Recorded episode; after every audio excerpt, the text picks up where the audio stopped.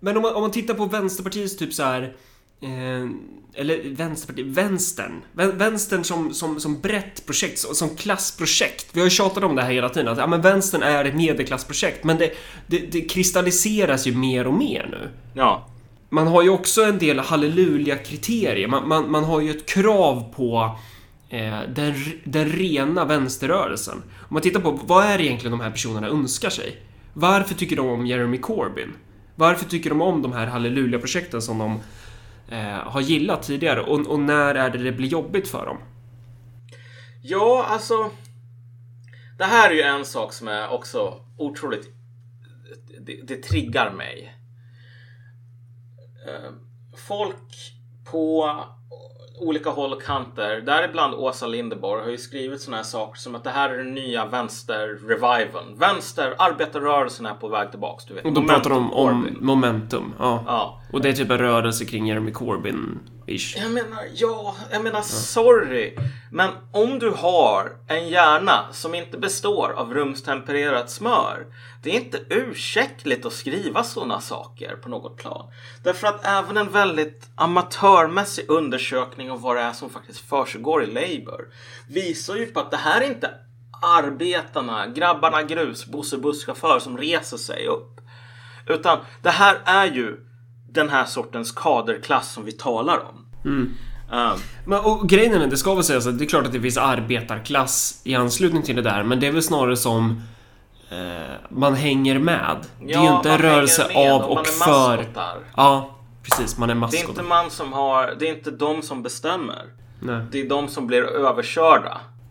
Så här, och det som man får tänka på Labour är ju, hur skedde det här? Corbyn, random, totalt irrelevant gubbe, fossil. Får alltså en rekommendation av partihögern att ställa upp. Därför att människor i partihögern tänker att vi måste ju ha en vänsterkandidat med. För att vi är ju citat ett parti på vänstern slutcitat. Så de behöver ju ha en vänsterkandidat. Och vem är mest gaggig och irrelevant? Ja, det är Jeremy Corbyn. Du borde ställa upp, kamrat Corbyn. Så kommer du få en 2%. Och sen så sker det som ingen räknat med, absolut inte Corbyn. Vilket är att det sker en stor störtvåg in i partiet. Av medlemmar, entusiasm. Och vilka är det här? Det är unga människor som är marinerade i hela den här social justice ideologin kan man väl säga. Folk som tycker att ett av de största problemen som vi har just nu det är inte nedläggning av industri, det är transfobi. Den sortens människor eh, med den sortens prioriteringar kommer in och så bär de Corbyn till seger. Människorna som nominerar Corbyn tänker vad fan hände? Om jag hade vetat att det här skulle hända så skulle vi inte haft en jävla vänster som ställde upp. Corbyn tänker, vad fan är det här? Vilka är de här människorna? Men de hyllar honom för att han är true. Han står upp för den gamla sanna vänsterismen. Sådär. Ja, och då, då ska man ju alltså vara tillräckligt rättvis och i alla fall ge dem att ja, men han pratade ju om så här minskade klyftor.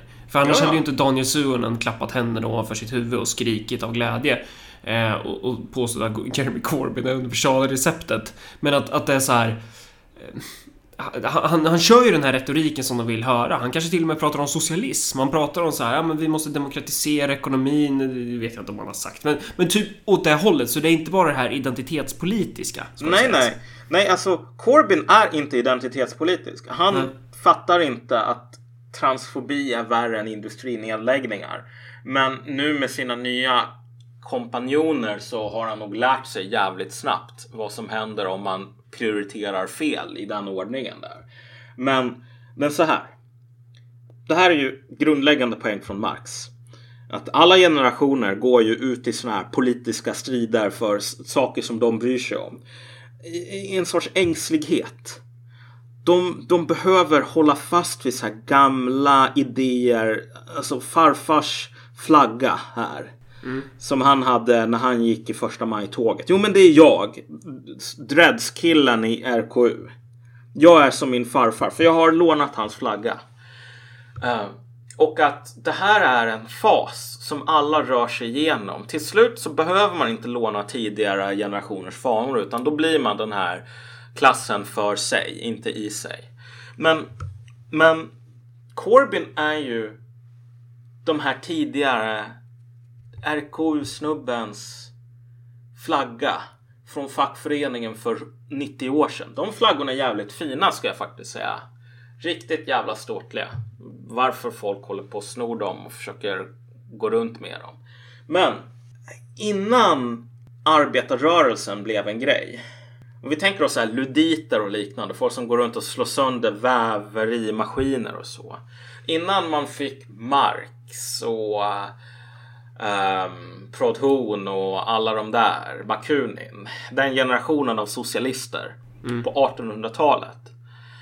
Det som folk, för vi hade fortfarande arbetare innan, innan Marx började skriva om arbetare. Men de var också tvungna att använda tidigare koncept om vi säger så. Och för, för de tidiga arbetena, när man håller på att tala om vad som var fel i samhället, det är så här att vi måste gå tillbaka till den moraliska ekonomin. Den moraliska ekonomin var ett tidigare koncept som var jävligt viktigt typ på 1700 och 1600-talet, vilket betyder så här att det var kungens jobb att fixa bröd. Um, och om skörden var dålig, då var det kungens jobb att bara gå till typ ställen där det fanns bröd. Bara säga jag tänker ta allt ert bröd och sen tänker jag betala en 10% av vad ni kunde sälja det här för. Och om ni inte vill sälja det här brödet för 10% om vad det är värt, då kommer mina kompisar att slå ihjäl er. För jag tänker fixa så att det här brödet går till fattiga bönder mm. um, i andra delar av världen. Eller i andra delen av landet. Alltså, och upploppen som var då, det var alltså människor som typ ockuperade bagerier och så vidare. Och så tvångsrekvirerade de allt bröd. Det var framförallt kvinnor som höll på med det här. Kvinnor som ockuperade bagerier, tog allt mjöl, allt bröd, sålde det. Liksom, man fick ställa sig i kö och du vet, det fanns en kassa och allting sånt. Men de sålde det till ett pris som var rättvist. Ett pris som folk kunde betala. Och den här jävla bagaren sa då eh, Okej, okay, jag fattar att ni har den här skitlåga lönen. eh, och att ni inte har råd att betala mer än typ 10 öre för en limpa bröd. Men jag köpte mjölet för 40 öre. Det är vad det kostar. Det är vad det kostar mig. 40 öre för mjölet. Och då säger de här kvinnorna, okej, okay, kul, intresseklubben antecknar. Men om folk bara kan betala 10 öre, då är det det som ska säljas. Mm. Så här höll de tidiga arbetarna på bete sig, tänka i termer av bönder från 1600-talet. Ända tills de kunde utveckla sitt eget sätt att tänka och förstå problemen i industrisamhället. Um, samma sak är, Corbyn är ju bara en galjonsfigur.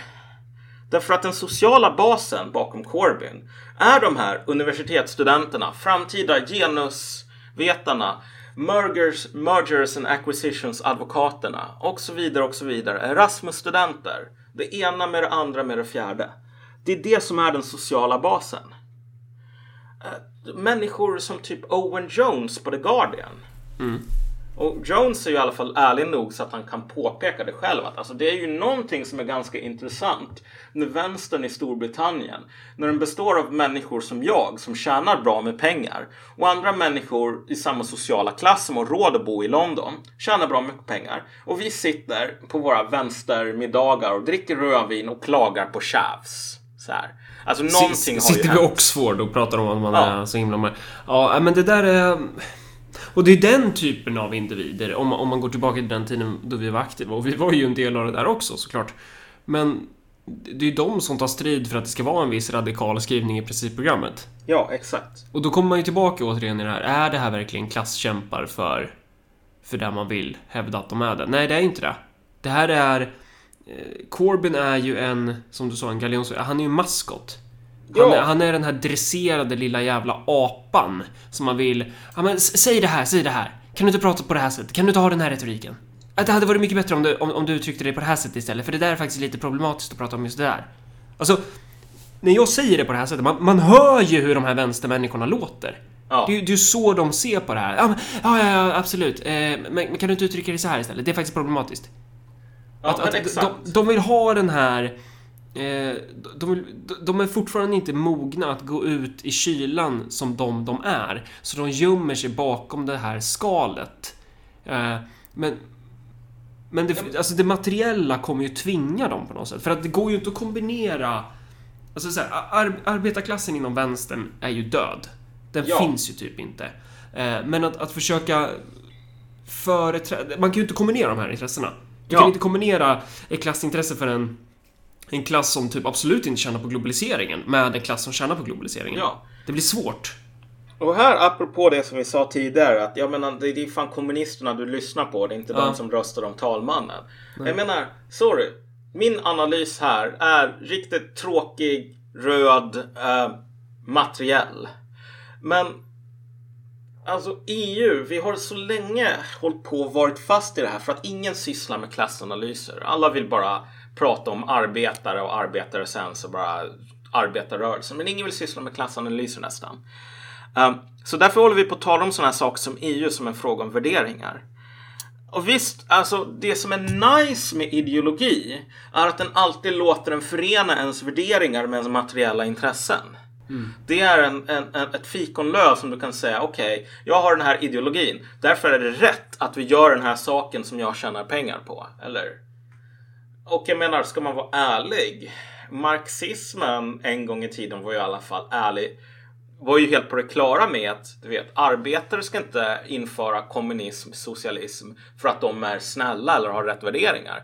Utan för att de är jävla egoister. Och att ett samhälle utan exploatering är det enda sättet som de kan få utlopp för sin egoism på. Men, men så här. Tänk dig att du hade varit en sån här eh, österrikisk kejsare på 30-talet. Mm. Och du hade alltså sagt så här. Du hade vaknat upp en dag och bara insett. Vet du vad som är rätt värderingar? Nationellt självbestämmande och demokrati. Jag sitter som kejsare på toppen av ett enormt imperium med eh, kroatier, italienare, vissa fransmän, folk typ eh, som talar ungerska. Det är så här 30 olika språk. Och det här, varför ska de människorna få ta order från Bryssel? Utan jag tror vi gör så här. Att alla människor får bestämma över sig själva. Så polackerna är fria. Inga mer skatter till Wien. Nu får mm. de behålla alla sina pengar själva. De får välja människor som röstar eh, eller som men, pratar Du sa bestämma polska. från Bryssel menar du då som en EU-referens? Ja, ja, Wien, sorry. Men det, ja. det är väl tydligt vart jag är på väg här. Ja. Mm. Men så här om den här kejsaren hade sagt det. Nationellt självbestämmande ska vara demokrati i alla de här delarna. Uh, och sen, du vet, Wien, det kommer att bli huvudstaden för Österrike. Mm. Och det är okej. Okay. Det behöver inte vara huvudstaden för alla de här olika nationaliteterna, utan bara Österrike, det är okej. Okay. Vi behöver göra oss av med den sån här stora imperieapparaten. Alltså det skulle varit väldigt många som vore otroligt tacksamma i Ungern kan jag ju säga. Men han skulle ju ha blivit mördad av de österrikiska studenterna. Mm. De skulle ju ha sagt massor med saker som typ, ja men vet du vad, ungrare de är apor, de kan inte typ sköta sig själva. Vi måste ha ett stort imperium för att lära polackerna att äta med kniv och gaffel. För att annars liksom kommer Gud att tycka att eh, världen är dålig. Det kanske är därför som motsvarigheten till de österrikiska studenterna inte gillar dig och mig. Ja, jo men exakt. Jo men det är ju så det är. Därför att i slutändan, de här österrikiska studenterna, det som den här kejsaren säger till dem är ju okej, okay, vi kommer att göra en omställning på grund av värderingar. Mm. Och i den här omställningen, ni kanske inte ska bli administratörer, ni kanske ska bli tegelbärare på en byggarbetsplats. För vi kommer inte längre att behöva ha några imperieadministratörer för jag tänker avveckla imperiet. Han skulle inte få några jävla vänner bland studenterna. Ingen jävla chans. Fattar du hur jävla dyrt det var med en sån där utbildning? Hur jävla fuck du var om du inte fick en sån där post. Jag menar, du kunde ju svälta ihjäl. Um, och samma sak här. Det är fan på liv och död nästan för en genusvetare eller för någon som jobbar på public service. Bara så här, hur ska resurser fungera, fördelas inom mm. en nationell ekonomi? Visst, det här handlar om värderingar. Det handlar om att skydda, eh, du vet, lära polackerna att äta med kniv och gaffel. Därför måste man ha ett stort jävla odemokratiskt imperium för att det är rätt värderingar. Visst, det finns sådana aspekter också. Sådana ursäkter. Men sorry. En annan politik bara på det nationella planet skulle kunna skynda på proletariseringen för stora grupper som redan lever riktigt farligt enormt mycket. Vad fan skulle hända med alla de här jävla uh, journalisterna ute i Majorna? Om man bara sa, vet du vad? Chang Frick visar att man kan driva media med så här undersökande journalistik utan massor med pressstöd. Gör som honom. Så, så vi har å ena sidan den här gruppen, alltså studenterna i Wien. Och studenterna i Wien var som jag påpekat flera gånger nu extremt politiskt radikala. Mm. Det var folk som höll på med gatustrider mot soldater. Men de var extremt politiskt radikala, inte för bra värderingar. Det hade de ju, för alla har det. Men för att de upplevde att sina materiella intressen var hotade. Och det här var materiella intressen i den övre medelklassen. Det var inte människor som var övre medelklass själva, men som var extremt beroende av att samhället var byggt på ett sådant sätt så att det fanns administratörer. Det fanns en väg in i den här övre medelklassen. De vill inte avskaffa imperiet och ha demokrati. De vill inte avskaffa klasskillnader. De var beroende av de här klasskillnaderna och de var beredda att slåss för att upprätthålla dem på något plan. Expandera byråkratin, göra den mer meritokratisk och så vidare så att folk från fattigare familjer skulle kunna komma in. Så ja. det, man, det man kan säga är att medelklassen är typ uppdelad i man skulle kunna göra en uppdelning att vi har en del av medelklassen som tjänar på den här globaliseringen. Ja. Och Centerpartiet och Vänsterpartiet och Miljöpartiet representerar den typen av, av klass. Ja, exakt. Eh, och Vänsterpartiet kommer successivt att göra det här mycket, mycket mer tydligt ja. troligtvis. Eh, och grejen är den, där kommer ju övriga vänstern att följa efter också. Ja, men exakt. Det, det, det, det, och det är det här vi tjatar om hela tiden. Och, alltså, så KP vill ju hålla på med den här jävla teatern också. Bara, ja, men vi ska vara arbetare och vi ska vara... Absolut, de har ju ett gäng arbetare där, men, men ideologiskt så är de ju fan kackade. De, ja. de är ju... De har ju ingen egen analys typ, utan de går ju efter Vänsterpartiet. Sen kan de tycka så här att ja, men det är fel med NATO och såna grejer, men i, i stort så hänger de efter. Och, och kollar man så här, det kryllar ju av KP-medlemmar som kommer in och liksom eh, hävdar att, att det är fascism, typ att prata om att det inte finns ett klassintresse för invandring, att man inte ska ja. prata om assimilering. Att ja. de är ju också vänster i praktiken, så att de går ju de här fotspåren också. Och det, det är ju det som är... Vänstern är ett medelklassprojekt, punkt slut. Men medelklassen är ju inte bara liksom gall, utan det finns ju också den här... Det finns ju ett embryo för det här andra då. Mm. Som, som kanske då knyter an till mer...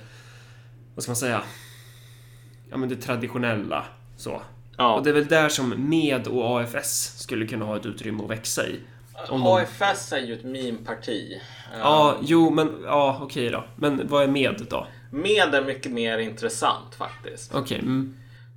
Um, alltså om vi, utifrån den här diskussionen, vi kommer ju prata ja. om AFS och så vidare avsnitt framöver i den här men, analysgrejen. Po men... Poängen är fortfarande i alla fall att, att hela medelklassen behöver inte vara gall. Exakt. Det, fin det finns, det, den kommer klyvas. Precis. Så. Vi börjar se det där nu. Mm. Och, och, det som jag tänkte bara återpoängtera så här. Nu när vi har sagt det här att det är ett medelklassprojekt för vänstern. Jo, det, det är ett projekt för den här vänstern. Två stora hot. Ena, inget EU. Därför att EU är en del av en större ekonomisk modell. Eh, där man låter de här metropolerna växa och det växer fram massor med specialistyrken som inte kan existera utanför imperiemetropoler. Men den andra biten är bara någonting mycket mer tråkigt. Det är så här. SD är faran, inte för att de vill ändra på den nationella ekonomin, vilket de också vill, men bara något sånt här att de kan skära ner på pressstöd. Då försvinner hela livlinan. Mm. Så det, det, det är både på ett makroplan, ett internationellt och ett nationellt plan som man riskerar att förlora mycket i den här medelklassen. Men för att tala om med här. Med gick det ju inte så himla bra för. De kom däremot in i, i, i eh, två stycken kommuner tror jag. Mm uh, så de gjorde ju någonting och de la ner antagligen mycket mindre pengar än vad eh, AFS gjorde, tror jag. Fast det där har jag ingen... Det har du ingen aning om. kött på benen. Nej. Så det kan ju vara annorlunda. Men som sagt. De, men de fick ju verkligen inte det de hade hoppats på. Nej. Med. Men det intressanta med med för mig är ju just karaktären hos partiet. Mm.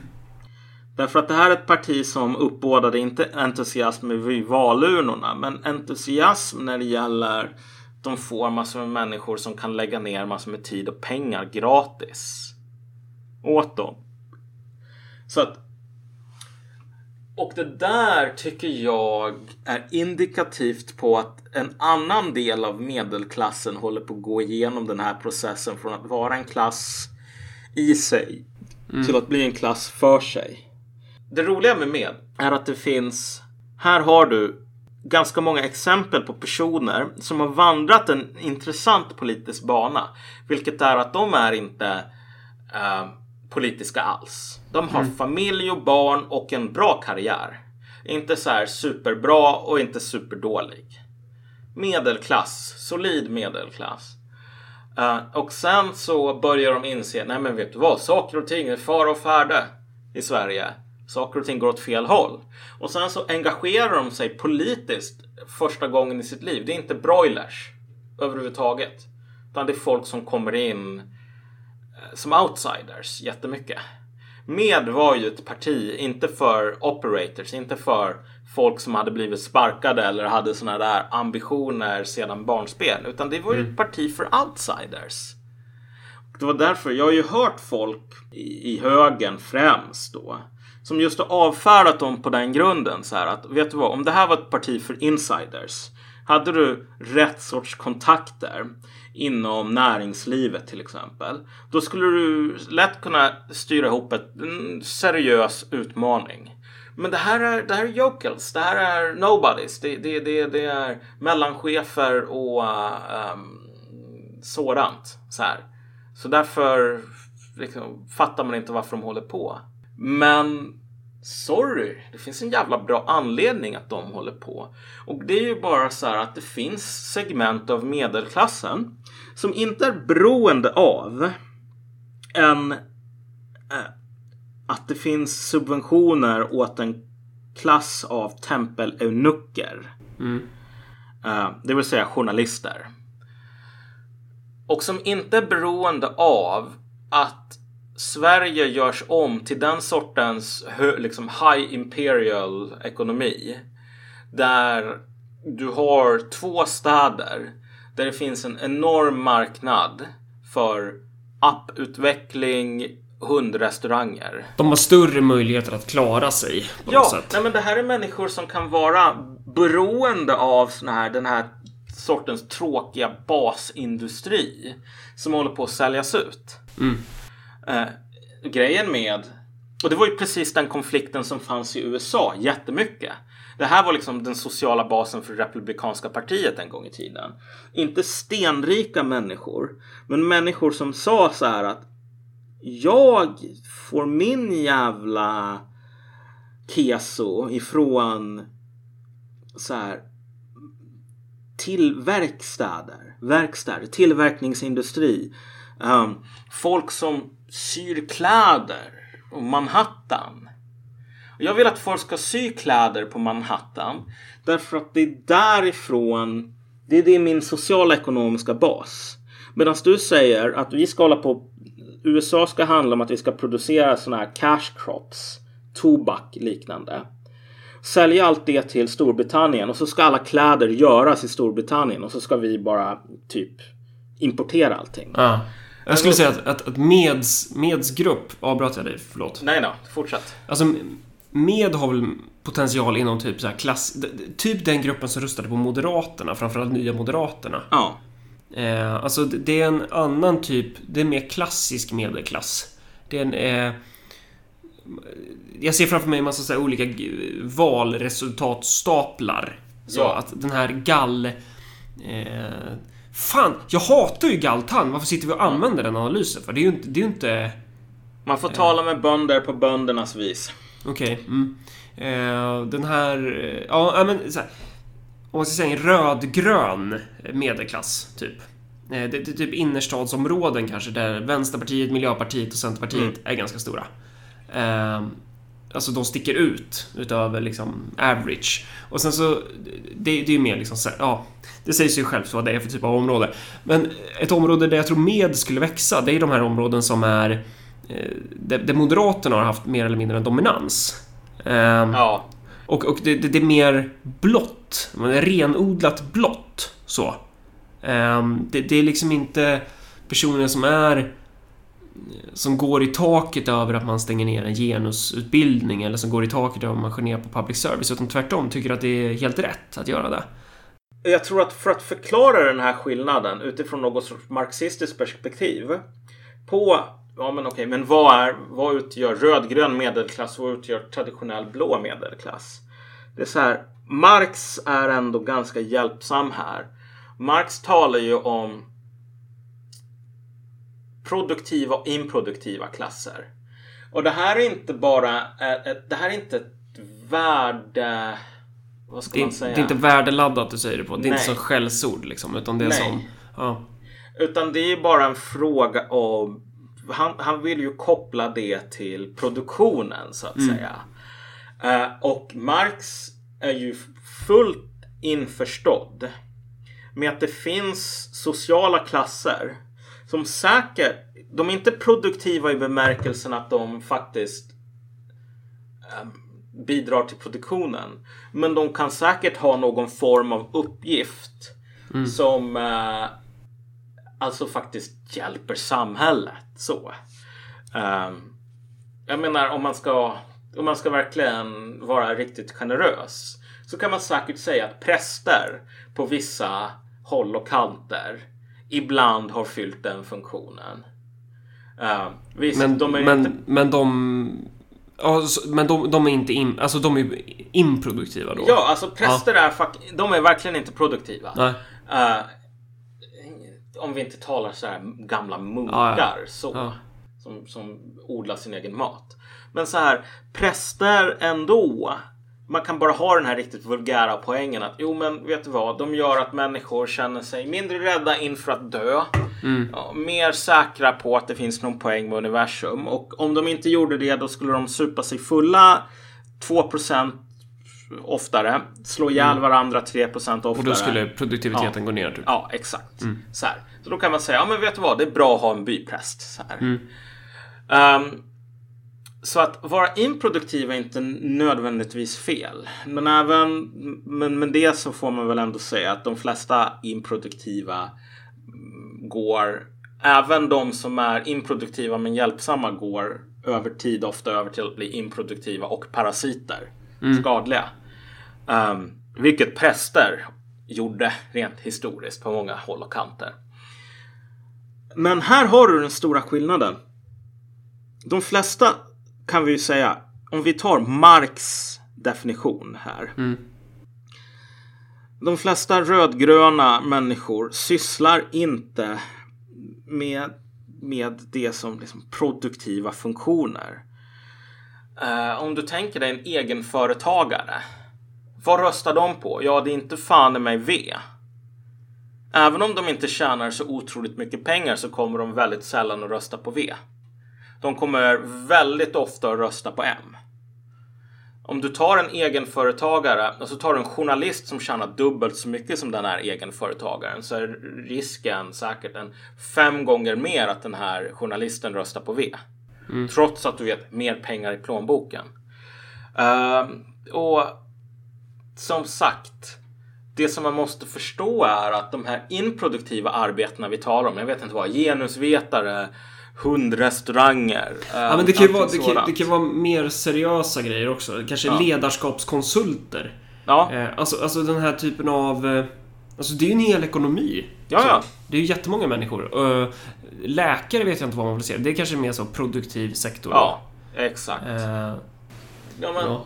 Man behöver inte, vi behöver inte vara riktigt så här eh, anala när det gäller Nej, den här precis. distinktionen. alltså det, men- det vi pratar om är generaliseringar här. Exakt. Ja, så, såklart. Men det som man måste förstå är att den, den produktiva de, de, människor som har en relation till produktionen som, som inte är typ jag äter mat.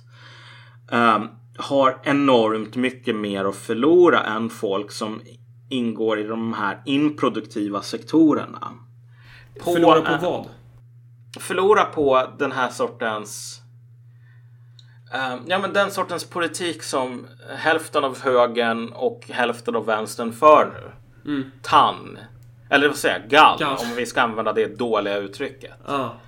Uh, en, glo en, globalistisk. En, en pro-globalisering. Ja, exakt. Därför alltså att... en, en, ohämmad... Vad ska man säga? En helt... Ja men öppna gränser typ. Ja. Och det här är ingen ny poäng. Och så vidare. Ja, det här är ingen ny poäng. Alltså att det var tandmänniskorna som vann i den interna dragkampen i USA. Mm. Och därför som USA kunde bli ett stort imperium. Därför att man mer eller mindre sa att oavsett hur jävla nice levnadsstandarden faktiskt blir för de rika i det här eh, landet där du inte har, där din ekonomi verkligen är globalt inriktad. Vi håller ju på att låtsas som att du vet en globalistisk ekonomi är någonting nytt. Sorry, alltså på många sätt och vis ekonomin var mer global i slutet på 1800-talet än vad den var i början på 2000-talet. Det här är en poäng som många lätt glömmer. Så att innan slutet på 1800-talet så hade du de här eh, striderna som vi utkämpar idag och tror att vi är så unika med. Så här, ska vi ha en global eller en nationell ekonomi? Um, och de som slogs och vann den gången mot en global ekonomi det var den sortens människor som röstar på med. Då röstar de på Republikanerna. Och Republikanerna var ju slaverimotståndarna. Det här är också en poäng som många glömmer. För att folk inte tänker materialistiskt, de tänker i termer av ideologier. Och det här exemplet som du gör nu, det är ju det är meningen att det, det, det går ju egentligen inte att... Alltså det är ju det är ett exempel som man inte tänker, men vad då med sympatisörer på 1800-talet? Nej, men jag, jag menar alltså i bemärkelsen så här, om du tänker den sociala klassen och den ekonomiska klassen och den relationen till produktionen som folk hade. Mm. Um, sorry, demokrater i USA, det var folk som ville ha en global ekonomi och tjäna multum på det ungefär. Mm. Och deras, alltså de som höll på med den motsvarigheten ja, som man hade på den tiden till hunddagis. Jag, jag är helt med på det. Ja. Mm. Och de som stod på andra sidan, republikaner, det var alltså det kunde vara egenföretagare. Mm. Det kunde vara företagsägare. Eller så kunde det vara människor som jobbade och inte kanske i, i, liksom på de rullande banden. Men förmän och liknande. I alla fall. Alltså jag är med på det. Ja. Eh, jag bara sa det för att eh, så att, så att ingen missförstår och liksom blandar bort sig. I, ja, ja. ja, men, ja. men fortsätt med din poäng. Ja, nej men alltså saken är den att så mycket har inte ändrats de här hundra åren egentligen i termer av att det finns klasser med ungefär samma sorts relation till produktionen mer eller mindre. Och, och samma sorts plus och minus på vad de tjänar om vi har en... Jag menar, Sverige kan vara ett land med någorlunda protektionism och någorlunda stark landsbygd. Mycket starkare jordbruk än vad vi har nu. Mycket mer subventioner. Mycket mer av samhällets resurser går till att se till så att vi har jordbrukare, vi har folk som tillverkar saker i Sverige. Um, och återigen, den sortens människor som är den här rödgröna medelklassen som du uttryckte det skulle förlora enormt mycket på det. Dels i termer av att de går på högskolan och vill ha karriärer. Karriärer som egentligen bara existerar i tillräckligt stora mängder. Mm. I, um, i, i så här imperieekonomier mer eller mindre. Men sen mm. också på grund av att även om det finns journalister i, i nationellt Sverige. Så, nationell ekonomi. De journalisterna, det kommer inte att vara folket på midsommarkransen. Det mm. kommer antagligen att vara Chang Frick. Mm. Så å andra sidan, det som en sån här global ekonomi gör är ju att den slår sönder allting som inte är de här få orterna där folk håller på att ha hundrestauranger. Uh, det som man måste förstå med typ den vita södern på um, ja, men så här, under slaveriet. Folk håller ju på att komma med den här poängen. Jo men du vet, white supremacy, det här var en, en grej som alla vita använde för att förtrycka alla svarta. Sorry! Um, hur de här delstaterna såg ut. Det var typ att skatten var obefintlig. Och det fanns tre vägar i en hel delstat och de vägarna ledde från typ tre olika blom- bomullsplantager till någon jävla kanal där man kunde lasta den här bomullen som skulle iväg till någon större hamn som skulle iväg till typ England. Och sen så kom på den här kanalen så lastade det på så här siden och liknande som kom från andra lyxvaror till de här människorna som ägde bomullsplantagerna. Det fanns en stor vit befolkning i resten av um, delstaterna som inte var slavar eller ägare av stora haciendor. Det var människor som inte hade fucking vägar. De hade mm. ingenting. Det var mer eller mindre, alltså för ekonomin var inte byggd för dem överhuvudtaget. Alltså det var ju nice i bemärkelsen att du behöver inte betala massor med skatt. Men alltså idén om att någon av de här människorna som sålde de här bomullen och importerade lyxvaror lyfte ett enda finger för de vita jordbrukarna. För att du vet, vi är alla vita. Nej, sorry. Ekonomin var byggd för ett litet, litet fåtal och alla andra, alltså resten av um, resten av de här områdena var ju ekonomiskt extremt primitiva. Mm. Och argumentet från norr främst var ju så här, vi, vi har inte råd att ha massor med ekonomiskt superprimitiva områden för att folk ska hålla på med hunddagis. Vi behöver se till så att vi har inga människor som har råd med hunddagis. Men de här jävla vita äh, jävla dirt farmers som inte har råd med en potta att pissa i om de inte snickrar till en själva. De behöver göras till integrerade delar av en nationell ekonomi. Och då kommer det, de, de, nya människorna som kommer att vara de som är ledarna, det kommer inte att vara störtrika haciendaägare. Det kommer att vara industrialister. Det ironiska är ju då att då borde egentligen Annie Lööf bära en sån här eh, konfederations... Alltså sydstatsflagga. Ja, jo, men precis. ja, Alltså nu är ju sydstatsflaggan på något plan. Ja, nu, är den associ nu associeras ju den med Annie Lööfs motsats. Ja. Ja men exakt. Och det är ju det är extremt en fascinerande ironi. Men så här, sorry, om du är någon, typ om du är Fi-väljaren. Mm. Du vet, man kan till och med dela in i vilka alltså, bostadsområden som Fi få, fick, ska jag säga. Så här, 50% av sina röster. Det är typ Luthagen i Uppsala, sen är det något annat område i Lund, något område i Göteborg. Men det är ju så, det är så självklart. Eh, en till grej som också är intressant här med hur... För medelklassen är ju på något sätt de politiska partiernas primära eh, målgrupp. Men man säljer ju alltid in sin politik. Man säger ju aldrig så här rakt ut att nej men RUT och ROT-avdrag, det är till för er. Eh, som betyder lite mer för oss, för att vi står ju varandra ganska nära om man säger så. Eh, utan man, man säljer ju alltid in den med arbetarklassen som maskot. Ja, exakt. Ar arbetaren kommer få 300 kronor mer i, i, i plånboken genom den här skattesänkningen. Eh, att det, det, jag vet inte, det är lite off topic kanske, men det, ja, tycker det, det kanske är värt att nämna för att... Jo, jo men alltså, jo men precis. Nej men man behöver de här maskotarna. Återigen, mm. för man har inte gått den här vägen från att vara en klass i sig till att vara en klass för sig. Mm. Och vi kan ju uppehålla oss lite grann vid hur man gör den övergången, för den sker ju hela tiden nu. Mm. Det här är ju den stora grejen med identitetspolitik på något plan. Och jag, jag, tror att i det här så finns det också en fara, för jag tror att de här... Eh, det finns ju allt starkare incitament för då medelklassen att känna att men varför ska vi ha demokrati? Ja. Om demokrati bara innebär att för jag menar, i ett visst läge då man slutar låtsas, då kan man väl bara säga rakt ut, och det säger man ju på många håll och kanter, framförallt vissa journalister och ledarskribenter är väl redan där, att, att man är såhär, nej men vadå, de här smutsiga personerna, borde de ens ha rösträtt eller? Ja.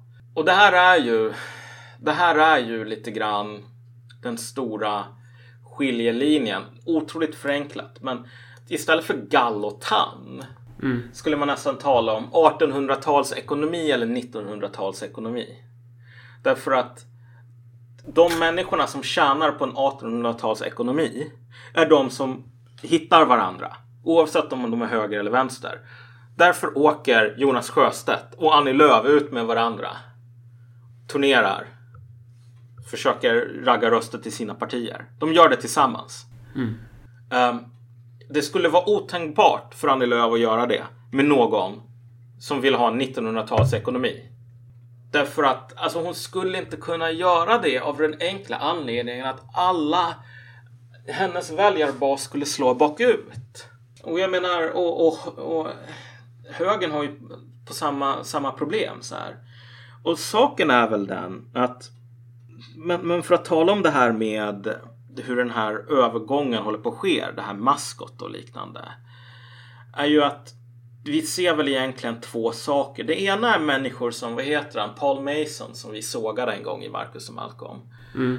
För han, han skrev ju, han skulle ju försöka skriva en klassanalys som bara sa att okej okay, nu nu är det så här att vi kan inte hålla på och förlita oss på arbetare längre utan nu har vi människor som har smartphones och smartphones är du vet produktivkrafternas framgång vilket gör att folk som har rätt värderingar kan liksom nå varandra över hela världen. Bla bla bla sådär. Och jag kommer ihåg att en gång i tiden och när vi spelade in det där så tänkte jag att Mason, problemet med honom är att han är en jävla idiot. Mm. Men ju mer tiden går desto mer inser man att så här, han är inte en jävla idiot, han är ett geni. Han har bara inte insett varför han gör det han gör. Mm. Han tror att det här är en klassanalys för vänstern, för de föra arbetarrörelsen vidare eller något sånt. Ja, men det är ju en klassanalys för vänstern. Ja, exakt. Jo, det är en klassanalys för den här klassen, den nya klassen. Ja, men det är inte en klassanalys för arbetarklassen. Nej. Nej. Och det stora misstaget han gör är bara att han drar ett sånt här likhetstecken. Mm. Därför att, sorry, också om jag ska ta och göra ett, en sån här tillbakablick med hur lite saker och ting har ändrats på hundra år. Mm. Hans argument är så här att folk idag har bra värderingar eh, och de har smartphones. Det finns en internationell ekonomi, informationsutbyte, bla bla bla sådär. En av de sakerna som var en jävla konfliktyta i USA när man hade den här konflikten om ekonomisk modell.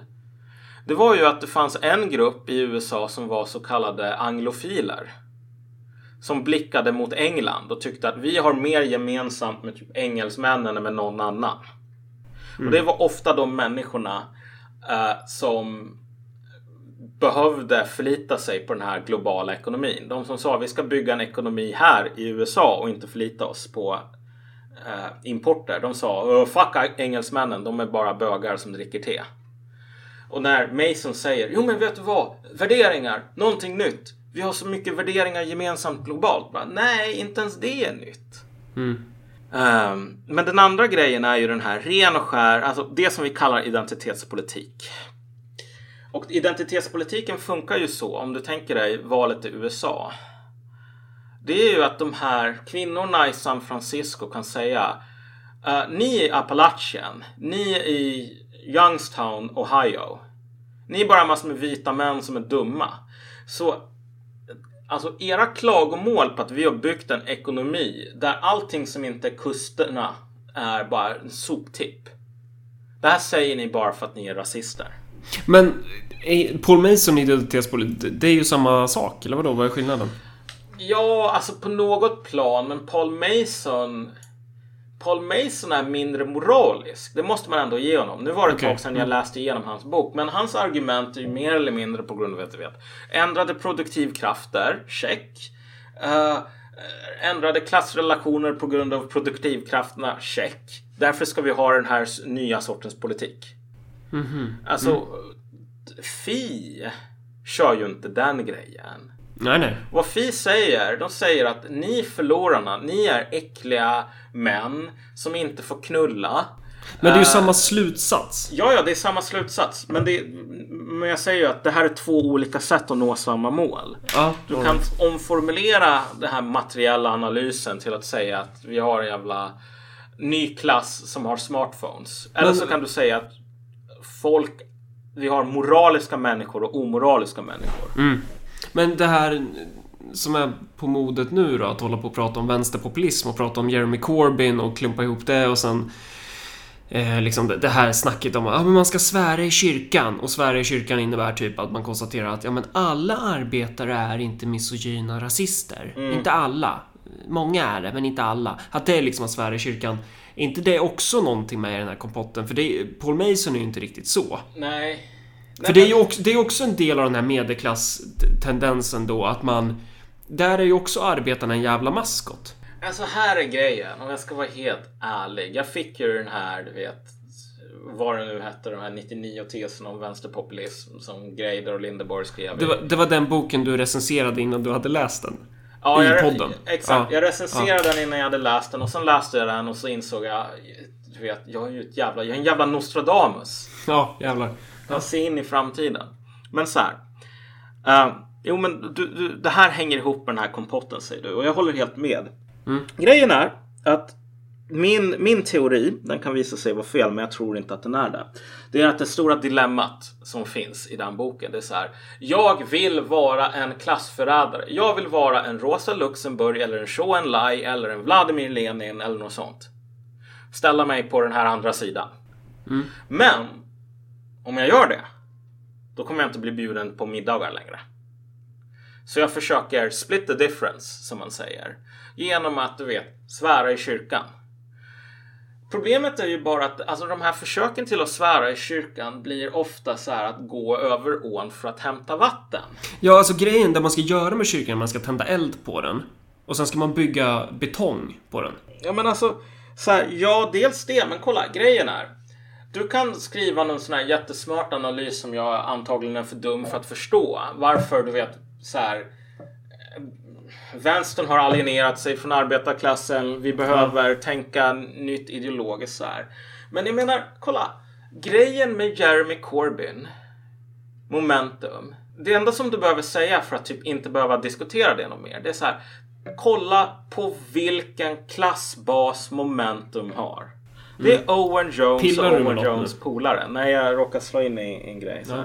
Men det är så här. Klassbasen för momentum är Owen Jones, Owen Jones polare. Owen Jones själv har skrivit en bok på temat jag är medelklass. Jag känner bara medelklassmänniskor. Och alla medelklassmänniskor som jag känner hatar arbetarna i detta land. Mm. Han är inte någon som är i garderoben om vilken klassposition han har. Det måste man ändå ge honom. Så här, han har gått ut och sagt det, var han hör hemma. Och var människor i hans sociala miljö hör hemma. Klart och tydligt. Så här. Så när kommer Owen Jones alla polare in i ett politiskt parti och tar över det. Då är det inte grabbarna grus, Bosse busschaufför, Sune svetsare, Ingrid på äldreboendet. Sorry, det är inte det. Owen Jones jobbar inte på ett äldreboende. Om du ska hålla på och gå som katten kring het gröt och bara okej, nu måste vi ta ställning till den här nya, du vet, vågen av arbetarmilitans som vi ser i momentum. Visst, misstag där begås, för ibland så har de en identitetspolitisk ideologi. Liksom bara sluta. Alltså, om du inte vill svära i kyrkan, svär inte i kyrkan. Men alltså, du behöver inte ens svära. Att svära är onödigt. Det är bara se, se använd dina korpgluggar. Kolla på det som du ser runt omkring dig. Och liksom kalla en spade en spade. Jag menar, jag, jag vill inte få det till att jag, så att säga, tycker att momentum är dåligt eller du vet, alla ska skickas till Gulag, alla borde dödas av typ lejonet Aslan för att de är omoraliska. Nej, absolut inte. Du vet, momentum är ett av verktygen som en viss kaderklass använder i sina försök att gå från att vara en klass i sig till för sig. Som någon form av marxist så vore det ju väldigt alltså, perverst av mig att säga att nej, så här får man inte hålla på att göra. Det enda jag behöver göra, jag behöver inte svära, jag behöver inte kalla dem namn. Jag behöver bara säga att det här är det de håller på med. And that's it. Och det är ju det som, det är ju det som folk som håller på och snackar om vänsterpopulism. Åsa Linderborg gör en grej där många andra som ska vara lite tuffa. Alltså, de vill ju... Alltså de vill gärna svära på samma sätt som den här 16-åringen vill typ ta på sig det här spik eh, halsbandet de har köpt på eh, här, Blue. Fox i Stockholm. Ja. Så här, wow, okej, nu svär jag. Nu är jag lite cool. Nu har jag lite mer mascara på mig och så lyssnar jag på typ Mötley Crüe. Mötley Crüe. Ja, men hur uttalar man det? Ja, jag vet inte. det Nej, vet inte jag heller. Whatever. Ja. Men, men så här. Men, men det där är inte politik och det är inte ens analys. Så här, jag fattar att man, om man bor i midsommarkransen, då kommer man att få massor med powerful enemies i midsommarkransen om man säger saker som folk i midsommarkransen inte vill höra. Men Alltså det är inträdesbiljetten till att vara en klassförrädare, I'm sorry to say. Du kommer att bli ogillad av folk i, i ditt umgängeskrets. Jag har inte läst den här boken, men jag har ju, jag har ju sett hur folk bara Ja, nu är Lindeborg och Greider nere i det bruna vattnet här. Den bruna vänstern. Äh. Ja, ja, men, men tänk hur det skulle bli om det, det här är människor som sl- skulle släppa greppet om sargen. Ja. Då, alltså det här med folk Alltså, det kommer som aldrig tjuvnyp på Twitter är, är en tusendel av vad de skulle vara med om. Jag menar, det Ja. måste man vara ärlig om. Mm. Eh, det här skulle säkert ha vissa implikationer för Aftonbladet Kultur, bla bla bla sådär. Så jag menar, det är konsekvenser. Mm. Och det är just därför man ska vara med på att så här, även personer som är vettiga inom vänstern kommer aldrig släppa sargen. Ja. De kommer aldrig... De kommer, alltså, när de gör det, då kommer det ha gått 15 år. Nej men alltså, saken Det är, det, är lite, det är lite det som händer nu. Så här, de här förändringarna, liksom bara på det här om man skrapar på ytan. Eh, som sker inom vänstern. Ja, men, Bland menar, annat gällande invandring. Alltså det har ju tagit... eh, All, de, de, de skulle skett för 30 år sedan. Ja men exakt. Och saken är väl den att det var väl lite grann det som var det den här känslan av att läsa just den här vänsterpopulismboken. Du vet, du, varken du eller jag är ute på marknaden för att hitta sätt och jämka, du vet, vi ska föra vänstern i någon mer gallriktning och samtidigt inte Gall bli... eller tann. Ja, sorry, tann. Och samtidigt inte bli utmobbade, du vet. Uh, ha kakan och äta den kvar. Sorry, du vet. Jag är Nils Flyg nazist. Och du är allt det här andra. Vi, Du vet, vi är redan the bad guys. Så det- Båten har seglat. Tåget har gått. Hästen har sprungit ur ladan. Så det enda som är intressant här är ju bara, men okej, men vad är användbart, inte för vår sociala position, utan för att föra det politiska projektet vidare. Och där erbjuder den här sortens kaxiga vänsterpopulism ingenting. Nej. Därför att kaxigheten är ju bara att hävda sig i- i sin egen sociala grupp. Jag menar, du behöver inte vara ett geni för att påpeka att du vet. Om det är Owen Jones polare som säger vi är medelklass, vi hatar arbetarklassen och de kommer in i ett parti. Jag menar, då är det inte arbetarklassen. Vem som helst med någorlunda IQ som läser tidningen kan förstå det. Så det är ju inte en brist på förståelse utan det är ju en brist på mod här. Så att, ja, nej men som du sa tidigare. Det här är inte menat att vara någon sånt här sorts klagomål. Därför att jag tror att folk får bli saliga på sin sak och de har lite olika prioriteringar. Men du vet, för oss så var det ju så att de här teserna om hur, hur, hur populism kan funka. De blev ju ganska bekräftade redan um, i, i, i, i, i, på slätten i Närke. Så att den modellen ehm, och den modellen är ju mer eller mindre ligger ju i linje med allt det som vi har sagt nu. Det är så här. Okej, vi kan tala gall och tann. Eller så kan vi tala 1800-talsekonomi eller 1900-talsekonomi. Men vi är i alla fall människor som har en klassbas. Och som säger ni som vill ha en 1900-talsekonomi och som är de som tjänar på en 1900-talsekonomi. Som, det ligger i ert materialistiska, egoistiska, själviska jävla intresse att ha en sån ekonomi. Mm. Det är så här... Right on. Det är jävligt fyndigt av, av med att förkortas med. Ja, det är det ju. Och nu, nu, nu håller vi på att ranta väldigt lång tid. Det här kanske behöver delas upp i två Ja, avsnitt. jag delar upp det i några avsnitt tror jag. Men, Eh, men, men, men som sagt. Med. Det är lätt att ha den här attityden som en, en, en bekant som jag inte som får förbli namnlös bara. Varför? De är ju ett högerparti. Herregud.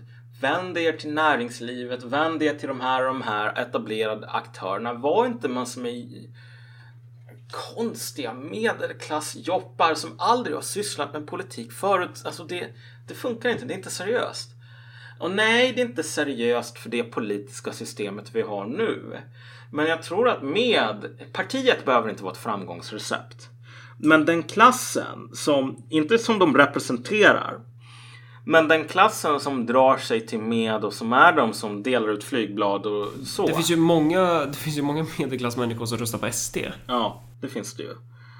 Och med är fortfarande ett av de här... Man kan jämföra det med Pa- Paul Mason som skriver en bok. Eller de här identitetspolitikerna som säger okej, nu har vi en intersektionell ursäkt till att säga att alla människor som är fattiga och vita eh, de är värdelösa och de borde vara fattiga. Eh, alltså det här är ett av de här stegen som det här barnet måste ta, som måste kravla fram innan det kan lära sig att gå. Innan det kan lära sig att stå på egna ben. Du måste gå igenom de här tidigare faserna. Eh, och som sagt, med är inte intressant i liksom vilka som röstar på dem eller snarare vilka som inte röstar på dem, vilket var typ alla. Men med är intressant i den genuina entusiasmen från människor som inte var yrkespolitiker. Därför att den genuina entusiasmen finns inte alltid. Men det är väl inget nytt de kommer med? Det är Nej. bara, alltså de vill vara en lite mer renodlad form av liberal konservatism typ. Ja men alltså de vill vara, de vill vara högerpartiet. Ja. Det vill säga innan innan man gick över till att säga att nej men vet du vad, både Reinfeldt och Sjöstedt, vi är ju skalliga, vi kommer överens, vi är samma sak ungefär, fast han är höger, jag är vänster. Ehm, jag menar återigen, välfärdsstaten för att ta det exemplet var ju inte ett sosseprojekt. Nej, Alltså, det, var ju, inte. det var ju säkert uppfunnet av sossarna och allting sånt. Det kan man ju lägga ett claim på. Ja, du pratar fast- om den svenska välfärdsstaten nu? Ja, nej, välfärdsstaten som, som europeisk modell. Okej. Mm. Man kan ju säga att jo, men sossarna uppfann den först, typ tyska socialdemokratin eller svenska. Mm. Men alltså, den hade sina precursors hos Bismarck. Mm. Ehm, Ja, och den är, den är ju inte så här, alltså... Högern runt om i Europa har ju köpt den också. ja, exakt. Eh, och, men vad fan var det jag tänkte? Ja, just gällande välfärdsstat och de här eh, drömmarna som man har om att bevara en nationell ekonomi. Det är ju kanske lite ett ämne för ett annat avsnitt, men så här, går det? Alltså hur, hur ser möjligheterna ut? Vad... vad eh, för någonstans så drömmer ju eh, de flesta av oss idag om att ha en kapitalism som eh, var ungefär som på 1900-talet. En kapitalism Ja. utan problem. Ja men alltså visst, men kapitalismen hade ju massor med problem på 1900-talet och massor med, ehm, ehm, vad ska man säga, interna motsättningar som producerade det samhället som vi lever i nu. Samtidigt så måste man ju komma på att 1800-talet återigen var en mer global ekonomi än, än ekonomin för tio år sedan. Alltså slutet på 1800-talet i termer Men, av... men vad är det för... Alltså... För det blir Det är väl en rätt relevant detalj, typ. Om man ska sträva efter att bevara någonting måste man ju tänka sig, går det att bevara det? Går det att bevara den svenska välfärdsstaten? Vad är det man behöver göra avkall på för att kunna klara av det? Mm. Ehm, men det är ju lite ämne för ett annat avsnitt Ja, kanske. Men, nej men, men det här är ju också det. Det, det intressanta och det här är en, en till av anledningarna till att Sjöstedt och den där jävla gingern kan komma så bra överens. Och bara köra den här typ wrestling moves på varandra där de låtsas att de slåss.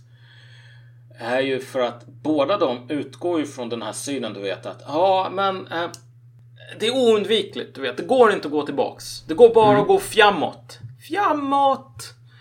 Eh, och det är så här, du behöver inte tycka om den globala ekonomin där det är hunddagis för 5% av befolkningen och sen är det bo i en jävla lerhydda för resten. Mm. Eh, och där de som bor i lerhyddor tidigare jobbade på ABB. Så här, det är utvecklingen, det är framåt. Och det måste man göra. Jag menar, vänstern och högern är ju precis lika illa där. På något plan. Bara hylla det här. Bara springa framåt. Som typ en jävla lemming över en klippa. Ja, men det är bara, så länge det är framåt så spelar det ingen roll. Men saken är den att historien lär ju oss att nej, det är inte så enkelt alls. Ehm, det finns ingen jävla gravitationskraft här. Utan det här är ju en, en fråga om beslut och en fråga om tendenser som ofta är cykliska och centrifugala också. EU var ju odödligt. Om du tänker dig för 15 år sedan. Ända tills det inte längre var det. Kartor i Europa kunde, kunde inte ritas om. Ända tills ryssarna annekterade Krim och då bara, ja okej, ja men nu är det så här. Du vet. Vi, gränsskydd behövdes inte längre. Ända tills du har människor som står där på tullseminariet i Almedalen och bara säger "Eh, vi monterar ner gränsskyddet för att vi fick ju höra att det behövdes inte längre. Det här var 2000-talet och nu bara behöver vi det igen och nu måste vi montera upp det. Hur händer det här? Så att visst, okej, man kan ju säga att vi har levt i en tid där det varit en riktning framåt, framåt. Och den enda riktningen framåt, det har varit eh, legalized globalism. Så var det folk såg det på 1800-talet, ganska många. Och sen så hände det massor med politiska, ekonomiska omvälvningar och sen så var det det enda som stod på menyn, det var nationella ekonomier. Och det ekonomiska systemet var ett system av nationella ekonomier som samarbetade med varandra. Eh, inte en global arbetsdelning som du hade haft förut. Nu har vi en global arbetsdelning. Men alltså, det finns Men de nog- nationella ekonomierna var ju helt beroende av att det fanns en global arbetsdelning också. Jag menar, svenska välfärdsstaten är ju inte bara... Nu sparkar jag in öppna dörrar här, men det kanske är värt att göra det. Att det är ju inte bara ett verk av svenska arbetarklass, utan det är ju också ett verk av en imperialistisk... Eller liksom en global ekonomi så. Jo, jo, så är det ju. Men om du tänker dig, den stora skillnaden här är så här. Ta, vad heter han, Karim Segerfeldt. Ja. Som skriver den, här bok, eh, skriver den här artikeln om att du vet alla svenska bönder borde gå i konkurs för att jag kan importera kött från Pampas. Ja, just det. Mm. Det var inte direkt så som eh, logiken var mitten av 1900-talet. Det var så logiken var mitten av 1800-talet. Då hade Karim Segerfeldt verkligen varit i sitt ess. Um, men så att, så att visst, det var ju inte så att ekonomier var så här separata universum, att det inte fanns handel och liknande. Men, men grejen var ju att man fortfarande såg det som otroligt viktigt att ha en att Sverige, Sverige kunde vara exportberoende men Sverige skulle ändå vara en, en vad ska man säga? Det skulle vara en enhet som var någorlunda komplett i sig själv. Det är inte så att du har all matproduktion på en del av världen. Så tillverkar man alla tröjor i en del av världen. Och så tillverkar man alla katalysator till bilar i ett land. Och sen är det så här att okej, du har en, en, en tiotusendel, ditt land har en, ja kanske en hundradel av saker som tillverkas. Och så behöver du 99 andra länder för att kunna få ihop typ saker som behövs för att överleva. Det är så ekonomin såg ut, ser ut nu, det är så den såg ut då. Och det var så den stora ekonomiska och politiska fighten i USA såg ut på 1800-talet. Ska vi ha en ekonomi där vi tillverkar en liten grej och så har vi in alla andra grejer från resten av världen? Eller ska vi ha en ekonomi där vi tillverkar det mesta? Mm. Eh, det går att gå från en ekonomi där man tillverkar en grej till en ekonomi där man tillverkar det mesta. Men det kommer att innebära en enorm jävla klasskonflikt. Och den klassen som kommer att förlora på det allra mest. Det är ironiskt nog den delen av medelklassen som idag eh, röstar framåt. Och på Vänsterpartiet. de här hemska VPK-arna. Och den klassen som kommer att vinna allra mest på en sådan återgång det är dels den här arbetarklassen som Vänsterpartiet säger att de bryr sig om men som bara är maskots. Och sen är det, men de, de kommer att tjäna en del. Men de som kommer att tjäna kanske lite mer det är typ de människorna som är så här volontärer i med. Och det här kommer verkligen att bli en av de stora politiska konflikterna. Nu vill man inte låtsas om det. Speciellt inte inom vänstern. För där är det bara så att okej, okay, den utvecklingen är för att vi är moraliska och sen är alla andra omoraliska. Men sorry. Ni tror kanske inte längre på klasser och klassintressen. Och klasser som agerar och hamnar i konflikt med varandra. Äh, men klasskonflikterna, de tror fortfarande på er, mina gamla kamrater. Precis. Eh, ja, men eh, har vi fått något sagt då? Vi har fått sagt det vi skulle säga. Ja, det tror jag nog. Och mer därtill. Ja, man kan bli en Patreon till Marcus och Malcolm. Och det, det är väl bra. Kanske, jag vet inte. Det är bra om man vill bli det. Eh, då går man in på Patreon.com och så skriver man in Marcus och Malcolm. Men tack för oss. Och mm. på återseende. Inte om fem månader den här gången. Hopp, förhopp, hoppas i alla fall. Nej, nu kommer det vara många avsnitt här. Ja. Så det, ja, hej då. Hej då.